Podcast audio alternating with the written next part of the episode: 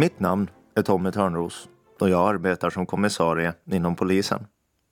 I sommar är det 15 år sedan jag började mitt arbete som polis och detta är mitt sommarprat.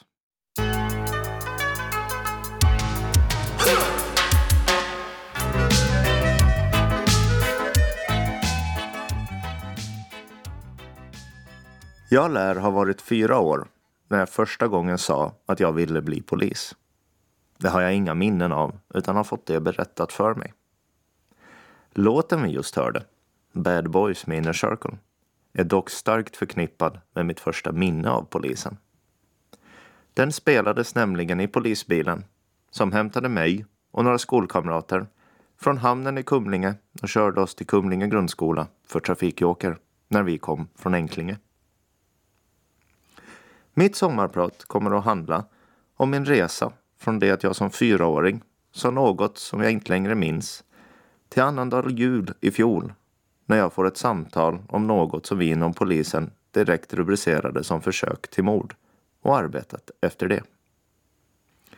Ni kommer att få följa med mig från Stockholm till Enklinge och vidare till Tammerfors för att sedan landa i Mariehamn.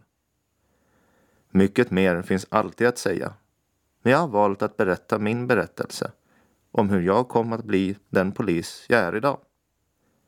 En polis som anser att polisarbetet är det ultimata serviceyrke och som äntligen börjar inse att även om jag nog alltid är polis kan jag ibland vara en ledig polis. Jag är född i Stockholm och bodde där till och med att jag gick ut årskurs 1. Vi var sex klasser med ettor och vi var 25 elever i varje klass. Under mitt första sommarlov gick flyttlasset till Enklinge. Och när hösten kom var det dags för skolstart och då blev jag ensam på klass och vi var 11 elever i hela skolan. Man kan lugnt kalla det för en omställning. I årskurs 1 ute på Enklinge började det det året fyra elever, varav två var födda samma år som jag. Men det upplägg som var då gjorde att de hade väntat med skolstart i ett år så det istället skulle bli en större klass. Men där kom jag sen som en joker och på den vägen blev det. Att vara den som kommer utifrån är inte alltid det lättaste. Och det fanns utmaningar. För mig, liksom det gör för många andra. Men om jag idag ser tillbaka på min skolgång är det med tacksamhet över både lärare och skolkamrater för onekligen gav det mig lärdomar, skratt, gråt och allt mittemellan. Vilket jag haft med mig och nytta av både privat och i mitt arbete. Att få vara elev i en så liten skola som Enklinge skola var då, det var speciellt. Särskilt när man hade varit en elev i en stor skola innan. Allt och alla blir väldigt nära inpå och alla blir att känna varandra lärare såväl som elever och annan skolpersonal. Och såklart har det ju både fördelar och nackdelar. En av de saker som jag särskilt minns det var upplägget med att man delade undervisningen mellan klasserna och kanske inte allt kom i rätt ordning, om det nu finns något sådant. Det hade ju sina fördelar när man hade historia och kunde åka hem till historieläraren och bli bjuden på glass om alla hade klarat ett visst vitsord. Det sätter sina spår. Enklinge kom att bli hemma och är det än idag. Även om tiden där ute numera begränsas till stugliv. Work all night and a drink a rum. Daylight come and we want go. Day-o, day-o. Daylight come and we want go. Banana Boat Song med Harry Belafonte. Efter grundskolan var det dags att börja högstadiet. Och med det började även ett pendlande till Kumlinge. Färden till skolan sköttes med lite större fritidsbåtar så dagen blev att starta förhållandevis tidigt. Vi som skulle över blev hämtade med taxi, skjutsade till gästhamnen på Enklinge, åkte över med båt, hämtades med taxi i Kumlinge och fick skjuts upp till skolan. Hemvägen gick i omvänd ordning. nog emellanåt på färja. På vintrarna fick man testa både hydrokopter och svävare i samband med menförestider. Och givetvis, som sagt, så blev det också en hel del färja redan då. Den dagen då vi möttes av polisen inför trafikjokern, då var det båt som gällde. Dessa erfarenheter hade jag endast i årskurs 7 då jag och min mamma därefter flyttade till Kumlinge. Men länge var det vardag för mina kompisar på Enklinge.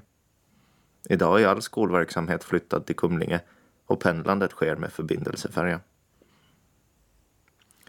I samband med skolgången och framför allt i högstadiet kom den där tiden när man ska bestämma vad man ska göra när man blir stor. Riktigt självklart var det inte först. Men efter en tur in till Mariehamn och ett besök på ett rekryteringstillfälle för de olika sjöfartsutbildningarna var jag fast. Jag skulle bli sjökapten.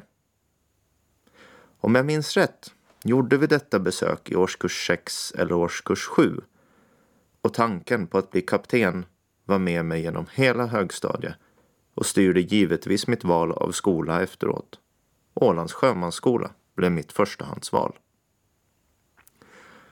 Jag önskar att alla skulle få den ledstjärnan med sig i den åldern som jag hade genom valet av yrke.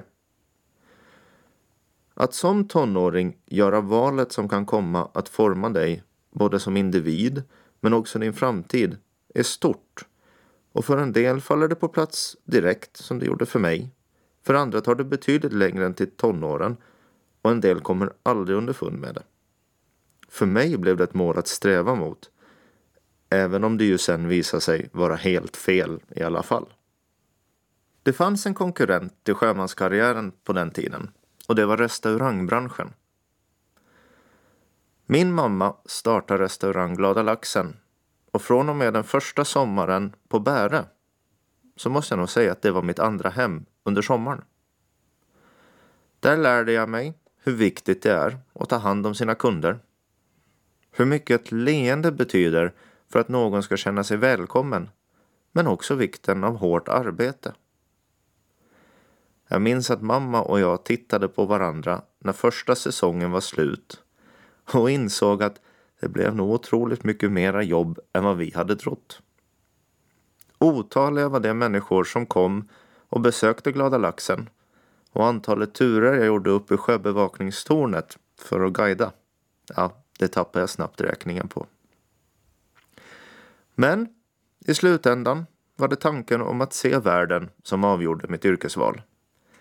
Jag drömde om att jobba på de större kryssningsfartygen nere i Västindien och om friheten i månad månad arbete. Jag hade nog ingen direkt koppling till den här världen så att drömmen var nog ganska långt just det, en dröm. Men den var så verklig och jag var så tydlig om det och vad jag tänkte på så restaurangbranschen blev utklassad. Lärdomarna från somrarna på Bärö har dock gett mig massor och jag är glad att verksamheten på Glada Laxen fortsätter trots de tragiska nyheter som nådde oss under våren. Jag ser fram emot ett besök dit i sommar. Bangkok, oriental setting in the city don't know what the city is getting. The creme de la creme of the chess world in a show with everything. Murray Head och One Night in Bangkok. Jag fyller sent på året. Så när Ålands sjömansskola slog upp portarna var jag 15 år. Då hade jag, liksom så många andra skärgårdsungdomar och andra, både före och efter mig, flyttat till stan.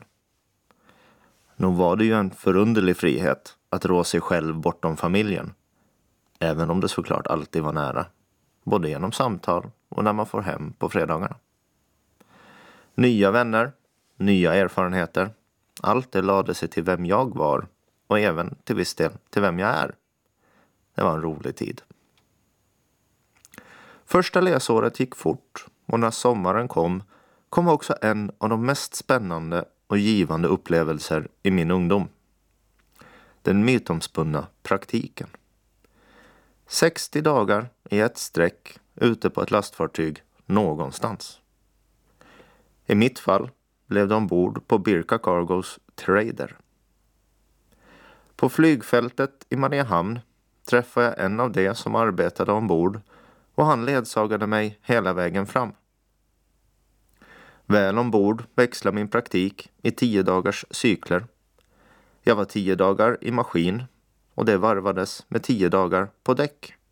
Och det ledde till att jag fick vara med om allt från kolvhalning till rostknackning, städande, målande och inte minst sjösjuka. Att som 16-åring få uppleva den stämningen och det mottagandet gjorde att jag växte. Ett av mina starkaste minnen är när jag hade sönder ett skruvstäd. Jo, jag hade sönder ett skruvstäd. Jag hade fått i uppgift att värma något. Jag minns faktiskt inte vad. Och det var inte helt noggrann med att hålla lågan från skruvstädet, vilket gjorde att det gick sönder när jag skulle spänna åt det ytterligare. Där stod jag, i den lilla verkstaden, med stycke jag skulle fixa på golvet, ett trasigt skruvstäd på bänken och gassvetsen i handen. Tankarna, de gick på högvarv. Hur skulle jag kunna ersätta detta? Och hur gick det till? Studiestödet räckte inte långt, men ja, på något sätt skulle det måste gå. Och med ett förhållandevis tungt sinne stängde jag av gasen, redde upp det som fallit. Sen gick jag in i kontrollrummet och berättade vad som hänt. Det som mötte mig då har kanske mer än många andra saker format hur jag ser på olyckshändelser. Ett skratt, ett godmodigt den som inte gör något är den enda som inte tar sönder något och det där löser vi. Det var vad som blev sagt och sedermera gjort. Min tacksamhet visste inga gränser. Väl hemma, efter 63 dagar borta, var även kaptensdrömmen borta. Nu var det maskinist för hela slanten som gällde. I och med det fick jag äta upp en och annan kommentar jag fällt till lärare och klasskamrater genom åren när de frågat om inte maskinistarbetet lockade. Kanske hade jag varit lite väl stursk emellanåt och det jag kunde konstatera var att man borde hålla tand för tunga innan man har testat. Det kanske är bättre än vad man tror. Så var det i mitt fall.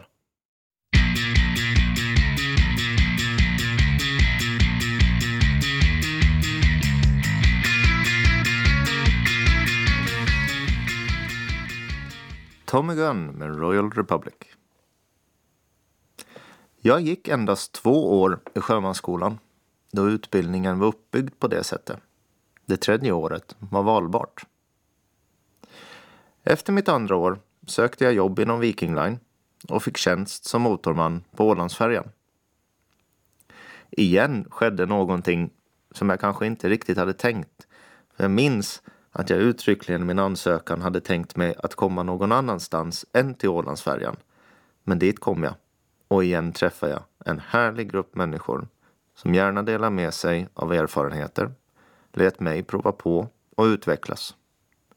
Det visade sig vara en mycket speciell stämning på Ålandsfärjan på ett positivt sätt. Jag tror inte att den var eller är unik i sig, men för mig var den det och jag minns tiden där ombord med glädje. Jag blev cirka två år på Ålandsfärjan innan jag började på maskiningenjörslinjen på Tekniska, som det hette på den tiden. Precis som för de flesta blev det en omställning att gå från arbete till skola. Igen hade jag helt fenomenala klasskamrater och tiden gick fort men något började gnaga gällande mitt yrkesval. Just efter jul och juluppehållet då ringde min förra arbetsgivare, alltså Viking Line och undrade om jag hade möjlighet att komma ner till Tallinn där Ålandsfärjan låg på dock. Skolan var positivt inställd i och med att det var i linje med utbildningen och sa ja. Och jag såg möjligheten till både ett och annat. Ska jag inte sticka under stol med. Det jag såg framför mig blev det dock inte riktigt då jag fick natturerna ombord. Tankarna om att se och uppleva Tallinn blev istället ett kallt och nedsläckt maskinrum nattetid. Den gnagande känslan växte sig starkare och tankarna började att snurra. Är det verkligen vad jag vill? Finns det något annat som lockar? Och där, någonstans, kom rösten från den fyraåriga Tommy fram och plötsligt fann jag mig att söka på hur man blir polis. Hey, brother, there's an endless road to rediscover. Hey, sister, know the water's sweet, but blood is thicker. Hey Brother med Avicii. Även om kanske den versionen som spelades i samband med körslaget som var för ja, ganska många somrar sedan började redan vara den som ligger mig varmast om hjärtat. När tanken om att bli polis väl var väckt så fanns den där och den växte sig starkare. Jag minns inte vad det var jag såg framför mig gällande polisyrket. Jag minns faktiskt inte heller vad det var som lockade. Men jag minns att det växte. I samband med att jag hade flyttat till stan för att börja sjömansskolan så började jag också träna judo. Inom judon fanns givetvis Eva Fällman. En person som har kommit att betyda mycket för mig, både som människa men också som polis. Det bästa i det här läget, när jag kom till henne med mina tankar om att bli polis, det var hennes lugn. Jag hade en hel del frågor, en hel del funderingar och Eva såg till att det beslut som jag sen fattade, det baserade sig på mina val, mina tankar. Det var inte styrt av henne eller av någon annan. Jag undrar om jag har sagt tillräckligt mycket tack för det. Judon kom för övrigt och var en del av mitt liv i elva år och ännu lever nog tanken på att ta upp det igen. Även om jag måste konstatera att det är inte lika lätt att resa sig idag efter att man blivit kastad i mattan som det var då.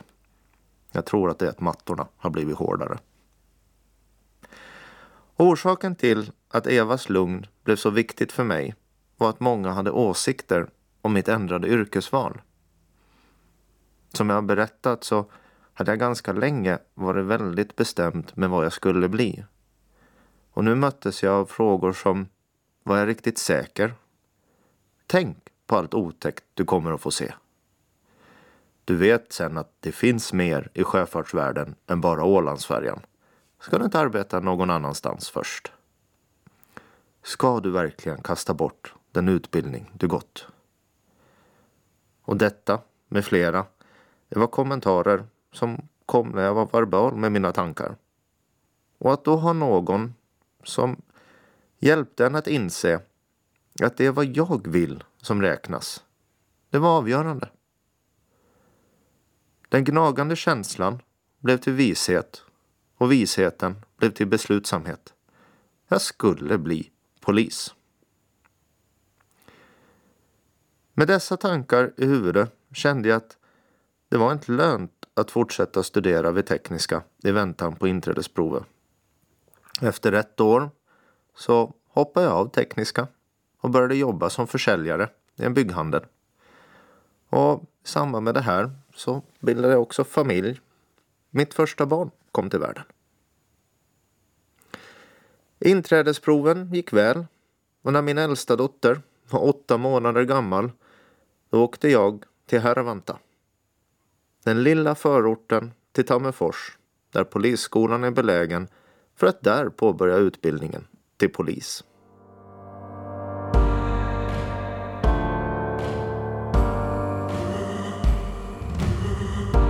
Close my eyes and I pray for a break. I can see everything going my way. Hold on med Nano. Utbildningen jag antagits till och började på.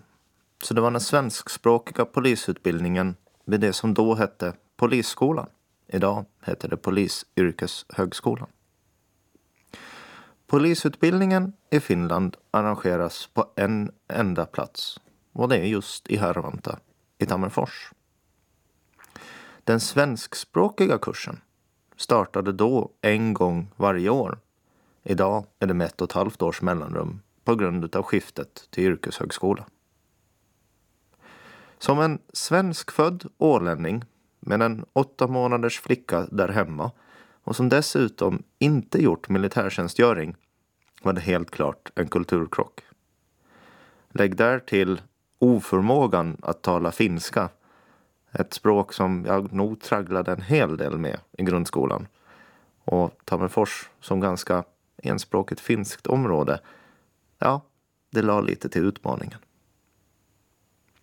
Mycket pendlande blev det och helt lätt var det inte, vare sig för det som var hemma eller för mig som var borta. Men året gick förhållandevis fort, i alla fall när man tittar tillbaka. Utbildningen så hölls helt på svenska och vi var 17 personer i samma klass och det innehöll allt från vett och etikett till körlektioner och maktmedel. Och givetvis så tragglade vi en hel del lagar och anvisningar.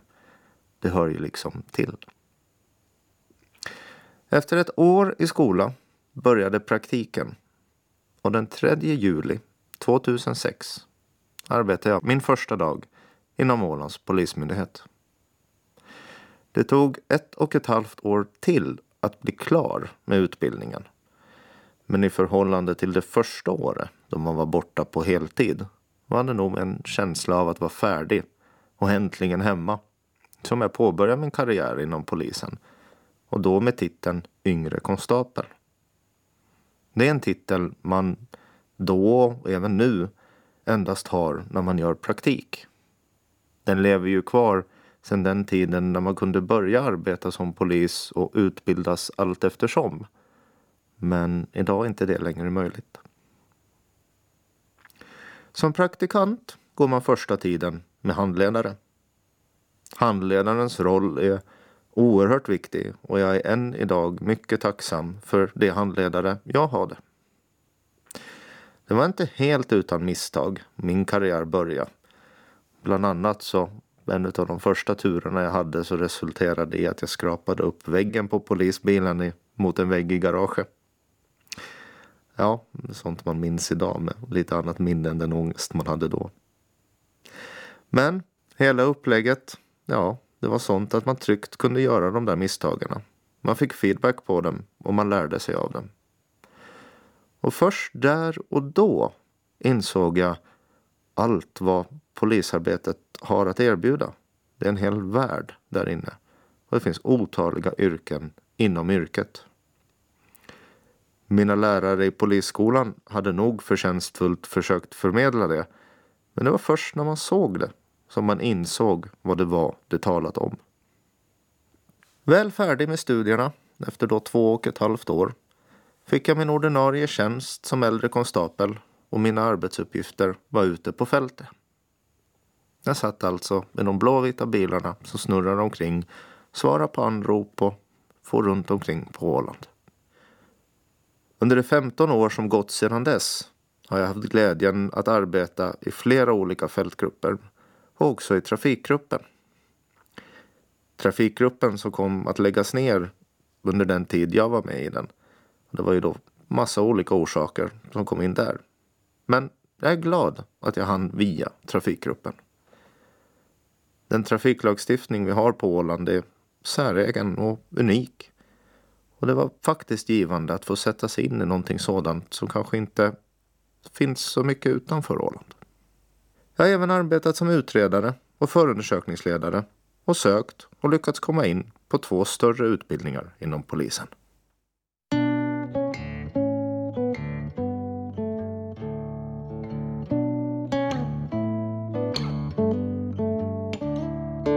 Horse, my love now, don't you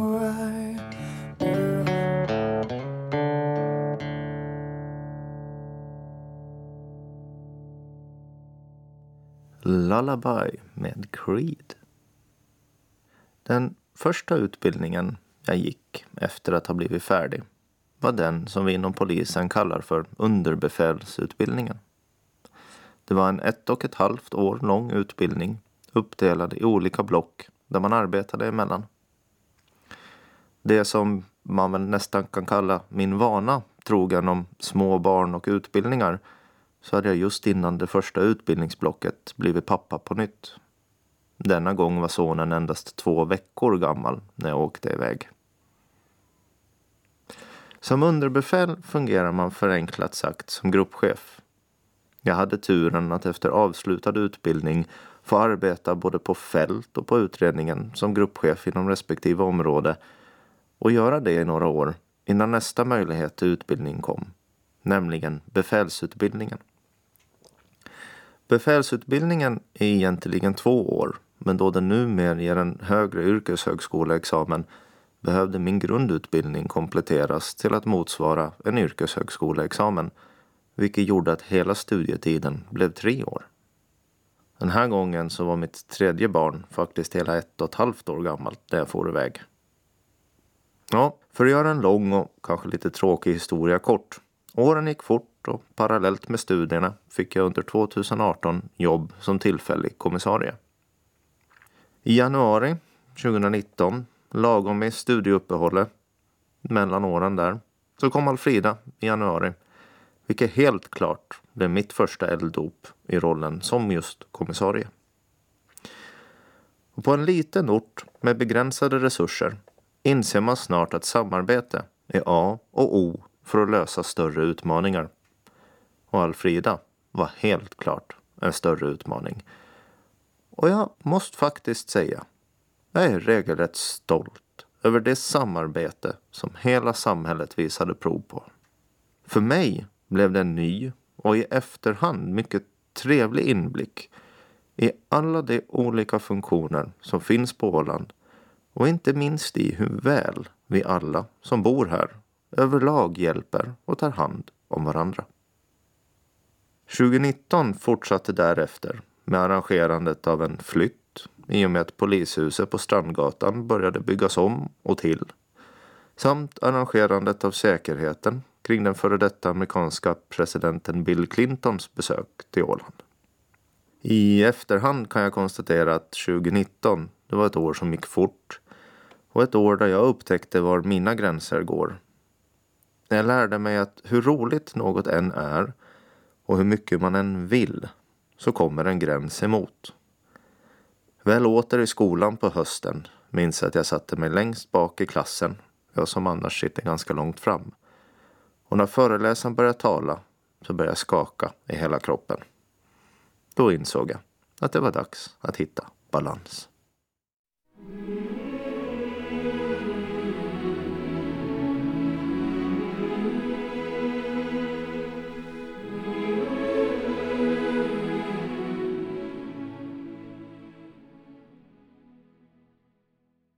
Guldet blev till sand med Peter Jöback.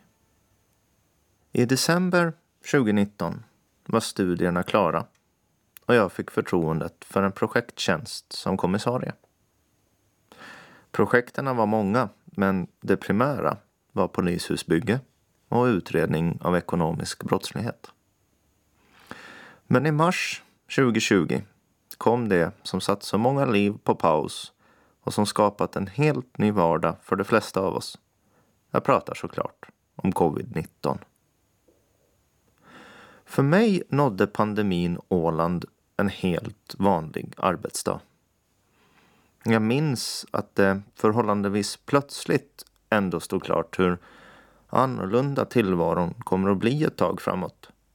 Trots att nyheterna nog gjort det klart redan en tid. Jag hade inte tagit det till mig innan innan det var här. Det kan jag ärligt erkänna. Just den dagen var överkommissarie Benjamin Fällman den högsta tjänstemannen inom polisen då polismästaren var på semester. Benjamin arbetar som stabschef, en roll som jag hade där 2018. Och av erfarenhet visste jag hur mycket arbete som kommer i den rollen när verksamheter ska ändra. Min tanke i det skedet var att ge stöd. Varpå jag ringde och påminde Benjamin om att han inte behöver dra lasset ensam utan vi gör det tillsammans. Och just tillsammans så var det sen dags att ställa om. För även om klyschan nu är sliten så är den inte mindre riktig. Vi ställer inte in, vi ställer om. Turerna var många och osäkerheten stor, både i samhälle och inom polisen.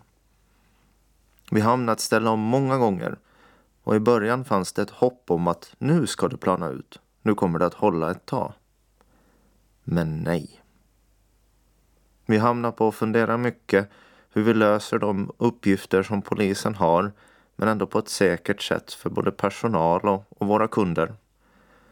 Och även om det för egen del finns en vana att bygga en organisation och en funktion kring det okända då det har hört till mina arbetsuppgifter ända sedan min tid som överkonstapel så var det mycket som skulle beaktas här.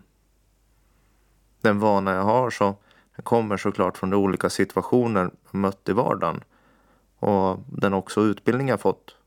Och principerna kom väl till pass men en sak var helt ny. De ständiga förändringarna som aldrig såg ut att upphöra.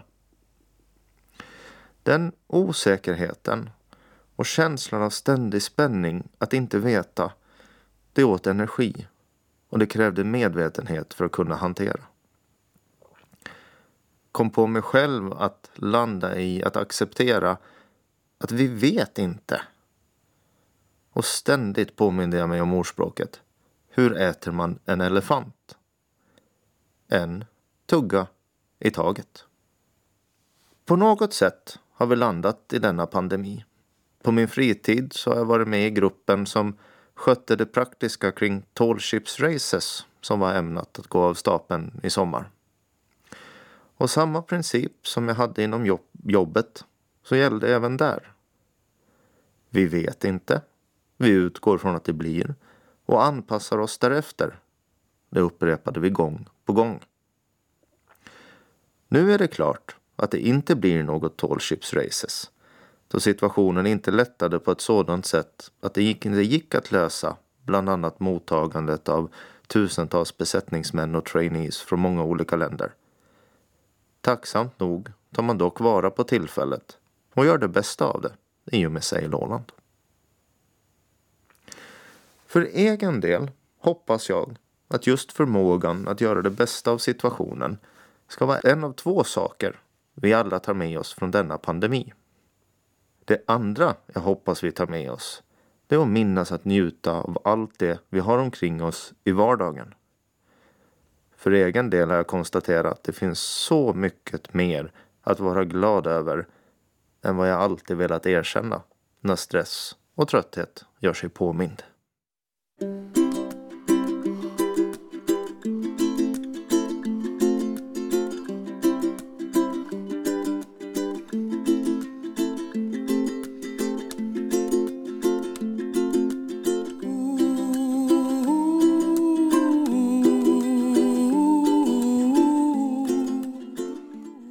Israel Kamakaviko Ole med Over the Rainbow. Annandag jul 2020 kommer jag nog aldrig att glömma. Som befäl inom polisen har man jour med jämna mellanrum. Det gör att om något händer som kräver ett befälsbeslut så ringer telefon. Och är det något mer krävande så kan man få räkna med att åka in på jobb. Den här jouren så har man en vecka i sträck 24 timmar i dygnet. Över julen 2020 hade jouren fallit på mig. Julhelgen hade förlöpt lugnt och stilla utan större ingripanden. Och på just juldagen hade vi som familj besökt mina svärföräldrar. Vi hade spelat spel, haft allmänt roligt och efter att vi hade kommit hem förhållandevis sent och nattat barn så sjönk jag och sambon ned i soffan och slötitta på tv. Lite efter klockan 23 ringde arbetstelefonen och den kollega som var fältchef, alltså den som basade över de patruller som var på jobb där på natten, så ringde och berättade om ett gripande som förestod på grund av en misshandel. Och i förbifarten i samtalet så nämnde han att ett hus brinner i Öckerö. Jag godkände gripandet, gjorde mina anteckningar om det och sjönk ner i soffan igen. Några minuter senare ringde det på nytt Och då berättar samma kollega att de nu fått information om att en person blivit allvarligt bränd i husbranden och att de också fått reda på att branden troligtvis var anlagd. För mig startade det samtalet ett 21 timmar långt arbetspass. Allt som händer på andra ställen händer även på Åland, bara inte lika ofta. Och där i ligger utmaningen. Det blev väldigt sant för mig under de timmarna. Jag sa hej då där hemma och åkte in till station. Inledningsvis händer det massor i en sån här situation. Och min roll blir då att försöka skapa en ordning i allt vad som händer och hålla en övergripande bild på vad som görs och vad som ändå måste göras. Med den information som kom till mig där inne på station på natten stod det snart klart, helt klart, att branden var anlagd och skadorna på den skadade personen var livshotande. Mitt jobb är då att lägga en verksamhetslinje för de kommande åtgärderna. En linje som inte får låsa verksamheten, men föra den framåt. En sak vill jag göra klart på en gång. Det här gör man inte ensam. Från början till slut så är det fråga om lagarbete. Ska komma ihåg att vid den här tidpunkten hade jag varit kommissarie i ganska exakt två år, varav ett år efter att jag var färdig med studierna. Och jag visste att jag inte ensam har svaren på hur det här ska göras. Men samtidigt visste jag att vi alla tillsammans har svaren på hur detta ska göras. Jag har nämligen glädjen att arbeta med motiverade, inspirerande och extremt skickliga kollegor. Tillsammans lades planerna upp och vi började vända på en sten i taget. Ofta stannade vi upp och vi funderade på vad det är vi missar eller vad vi kan göra annorlunda. Men ett steg i taget byggde vi utredningen. Efter det första extremt intensiva dygnet så försökte vi skapa rutiner i utredningen och en struktur i verksamheten. Här insåg vi att det här kommer vi hålla på med ett tag och vi måste orka även över tid. Då polisen för tillfället är uppdelad i olika lokaler på grund av ombyggnation och, och renovering kunde vi inte vara samlade utan vi arbetade från olika adresser. Det mesta annat fick stå åt sidan ett tag och det var verkligen all hands on deck. Ingen nämnd, ingen glömd. Mitt i detta fann man oftast mig sittandes på en soffa i vårt lunchrum i de lokaler vi har på Strandgatan. Där satt jag nämligen lika långt från alla kontor och alla hade tillgång till mig och jag till alla andra. Vi fungerade som ett lag och det alla gjorde så var att de bidrog efter bästa förmåga. Och det finns en enorm styrka i det.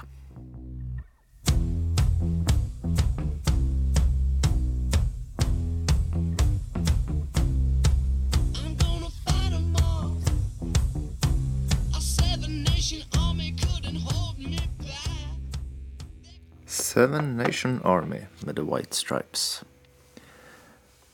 Polisen ska alltid vara opartisk och utreda de faktiska omständigheterna.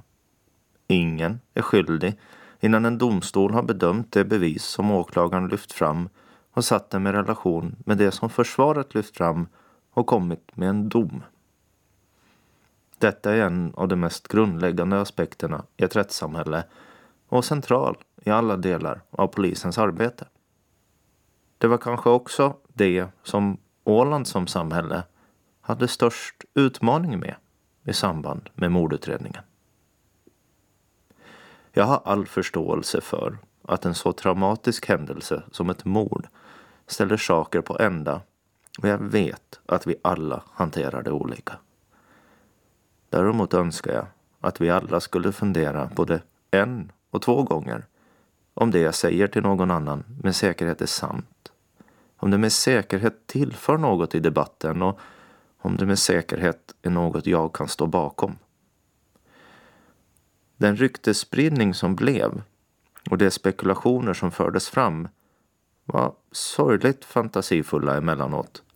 Och jag kan än i denna dag få påståenden om saker vi vet att det är just påhittade sanningar, kanske baserade på ett rykte, kanske också baserade på fakta, men fakta som tagits ur sitt sammanhang. Nu sätter vi detta i relation kring den debatt om debattklimat som man har kunnat följa de senaste månaderna kanske vi alla faktiskt kan ta en stund och fundera om den där tanken som dyker upp verkligen är värd att sätta ord till och säga till sin nästa.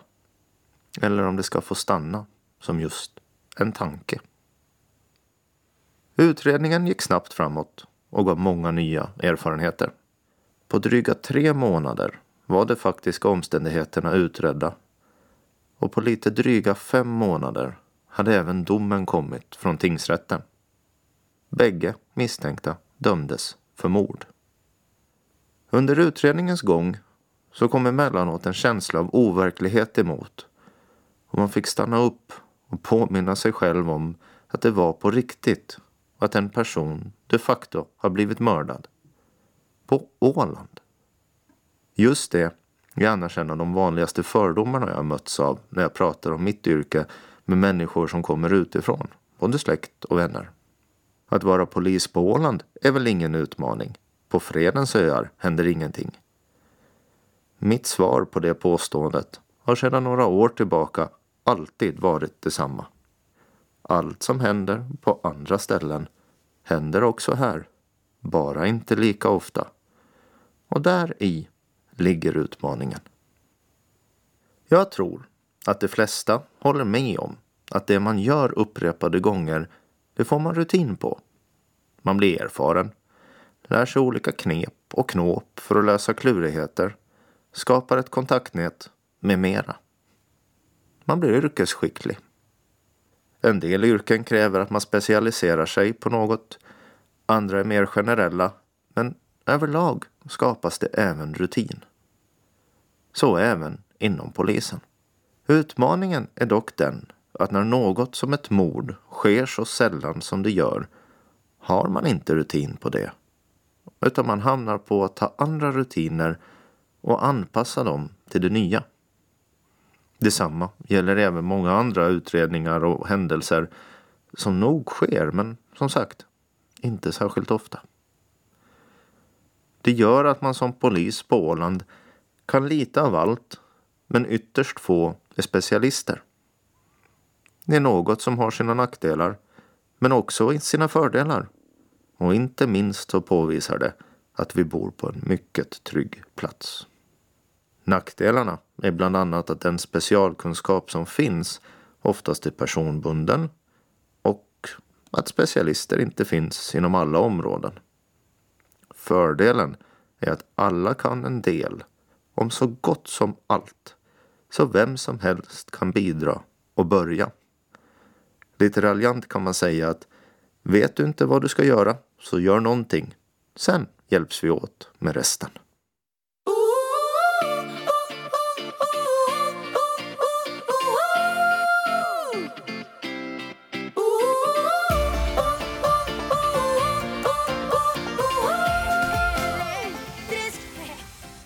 Elektrisk med Marcus och Martinus. Ett givet val om man frågar barnen vad de vill lyssna på där hemma. Att beskriva hur det är att arbeta som polis blir snabbt att låta klyschigt. Man vet inte vad dagen kommer att föra med sig. Man får hjälpa de utsatta och andra liknande beskrivningar kommer ofta upp. Värt att minnas är däremot att för att det låter som klyschor betyder inte att de är mindre sanna. För mig är polisarbetet det ultimata serviceyrke. Vi ska kunna ge service när ingen annan ger service. Och samhället, det är våra kunder. Om man väljer att stiga bort från benämningen polis kan man istället utforska det andra vi är, nämligen tjänstemän. För mig säger ordet allt. Vi erbjuder tjänster. Vi finns för att tjäna ett större goda. Det betyder inte att kunden alltid har rätt. Men man måste kunna hjälpa, styra och förklara varför kunden inte har rätt. Om så är fallet. Igen kommer jag tillbaka till vikten av det goda bemötandet. Vikten av ett leende. Men också vetskapen i att för att serva andra kan man ibland behöva begränsa den enskilda. På den tiden jag arbetade på fältet blev detta väldigt tydligt när man hamnade att gripa någon, till exempel från centrum, på grund av berusning eller aggressivt beteende. Ofta hängde de ihop. Det kunde ha mycket negativa konsekvenser för den individens kväll och morgondag. Men tryggheten det skänkte resten av samhället var i detta fall det större goda. Till rollen som polis får man dock aldrig glömma att förmågan att förklara varför man gör saker och ting eller inte gör saker och ting är lika viktig som förmågan att kunna göra i sig självt. När man ingriper i någons grundläggande fri och rättigheter får det aldrig vara godtyckligt eller omotiverat. Något som mycket väl återgav en del av den åländska polisens vardag så var serien Ålands hjältar. Givetvis berättar den inte allt, men den ger en inblick i vad det innebär att vara polis, också sjöbevakare. Samtidigt lyfter den fram utmaningen i det och jag gör det vad som är utmanande i ett så pass litet samhälle där man lite raljant kan säga att alla känner alla. Jag är tacksam över att serien gick att göra. Över mina kollegors vilja att ställa upp och över hela det bakgrundsarbete som utförts. För mig är det nämligen väldigt viktigt att alla vet vad deras polis gör och varför. Det lilla samhället för även med sig att man sällan är anonym. Många är det yrkesutövare, inte bara poliser, som får höra frasen Ursäkta, jag vet att du är ledig men jag undrar. Och sen en vald fråga. Jag valde tidigt att se på mitt yrke som något jag blev, det vill säga jag är polis. Därför har det sällan gjort något att frågorna kommer eller för den delen synpunkterna. Men med åren har jag insett att jag har rätten att vara en ledig polis. Så kanske svaret då blir en hänvisning eller en stilla begäran om att återkom med din fråga på måndag.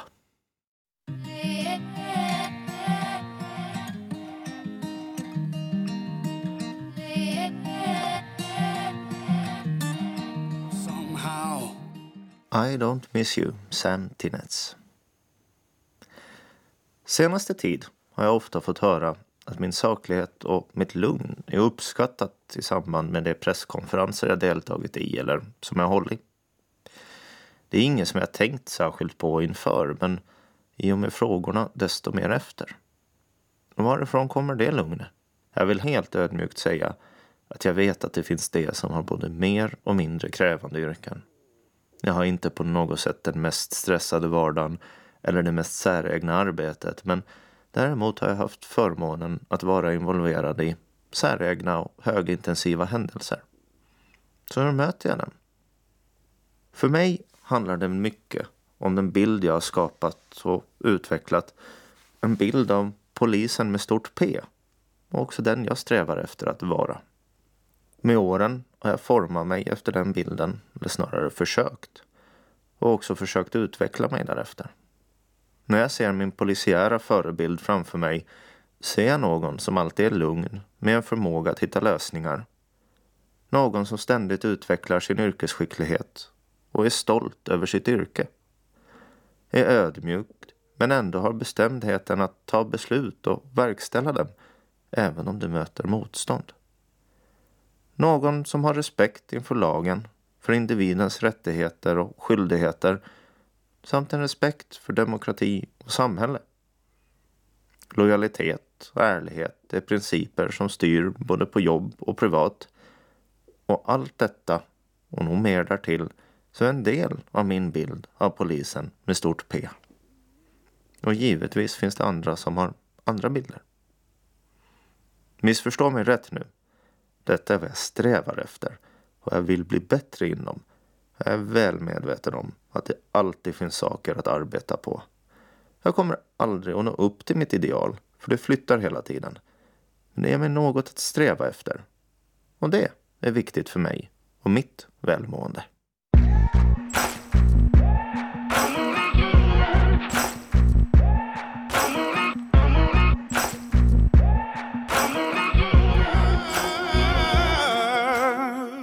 Rag and Bone Man med Human.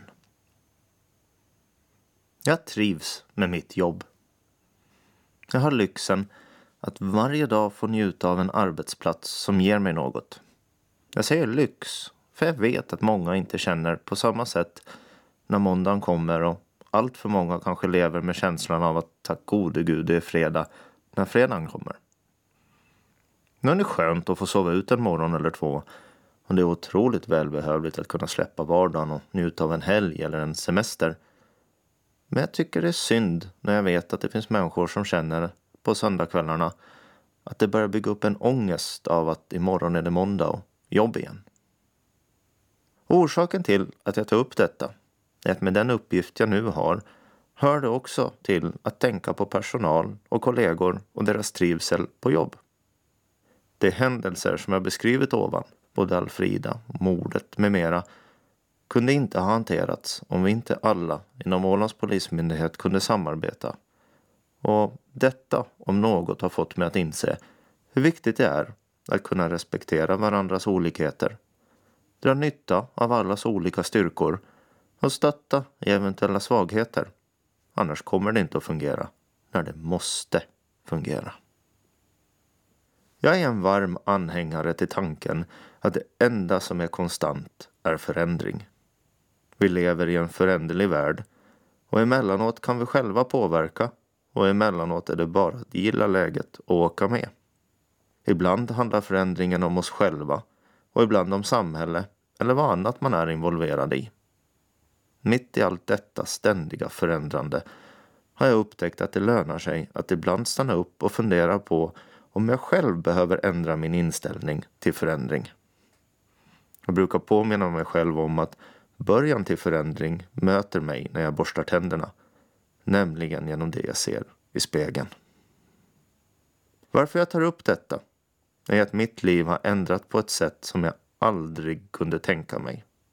Från att ha varit säker på ett liv till sjöss är jag idag kommissarie och har för inte så länge sedan avslutat en utredning där två personer tagit livet av en annan människa. Ett av de grövsta brott man kan begå. Det såg jag inte komma. Vare sig inte min barndoms drömmar eller när jag i ett kallt maskinrum sökte på internet över hur man blir polis. Det har tagit tid och inte alltid varit självklart att komma dit där jag är idag. Och när jag ser i backspegeln kan jag konstatera att denna resa inte varit min alena utan många andra har varit involverade i den. En del har varit med en längre tid, andra kortare tid. Och jag hoppas att jag har kunnat ge dem något på deras resa på samma sätt som de har gett mig under min. Jag är tacksam för de förändringar som kommit i mitt liv och ser fram emot att det kommer att ändra mycket ännu. Till sist vill jag säga tack till er som har lyssnat på mitt sommarprat och önskar er alla en mycket skön och härlig sommar. Och som avslutning lyssnar vi på Så länge skutan kan gå med Sven-Bertil Taube.